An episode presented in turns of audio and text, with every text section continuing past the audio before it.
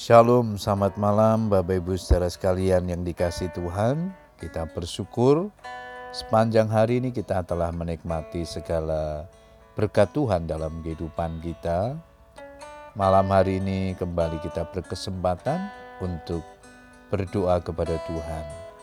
Namun sebelum berdoa saya akan membagikan firman Tuhan yang malam ini diberikan tema menjadi sahabat Tuhan.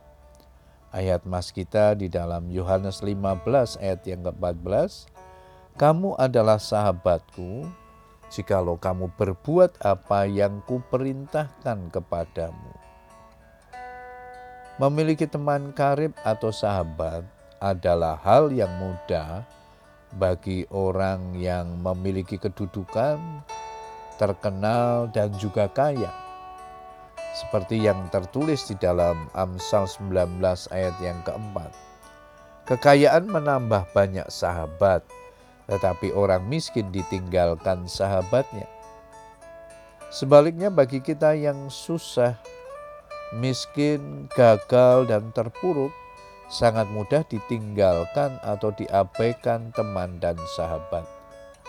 Kita merasa sangat rendah dan membayangkan betapa sulitnya orang mau menjadi sahabat kita, terlebih di zaman sekarang ini susah sekali menemukan teman yang sejati yang menaruh kasih di setiap waktu dan menjadi seorang saudara dalam kesukaran.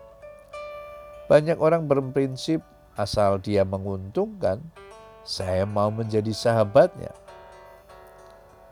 Mencari sahabat di antara sesama manusia saja begitu sulit.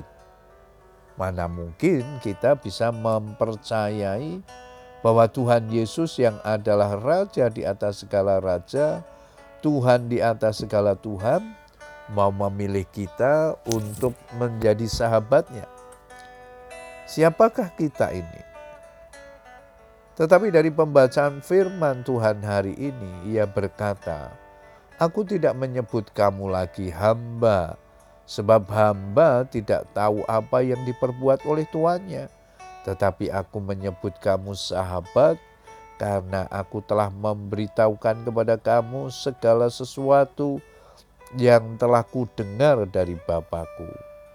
Yohanes 15 ayat 15. Tuhan menggambarkan hubungannya dengan kita dalam tingkatan yang lebih dekat yaitu sebagai sahabat.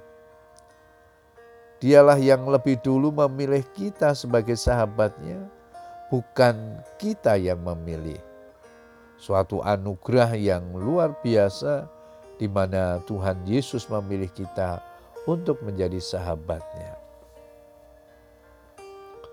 Persahabatan akan terjalin karena di dalamnya ada kasih di antara dua pihak memberi dan menerima. Tuhan pun memiliki standar untuk menjalin persahabatan dengan kita. Itulah sebabnya Tuhan memberikan firman-Nya dan hukum-hukumnya kepada kita. Syarat utama persahabatan dengan Tuhan adalah ketaatan kita terhadap firman-Nya.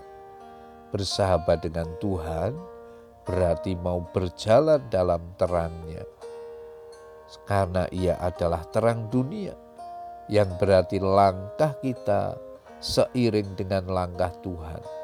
Berjalan ke mana pun Tuhan menuntun kita. Jika kita tidak taat melakukan firman-Nya, tidak karib dengan Dia dan tidak berjalan di dalam terang, kita tidak layak disebut sahabat Tuhan.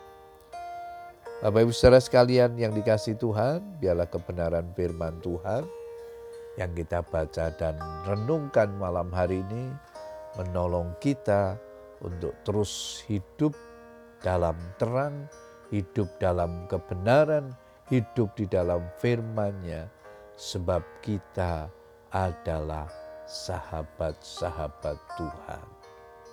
Selamat berdoa dengan keluarga kita. Tetap semangat berdoa. Tuhan Yesus memberkati. Amin.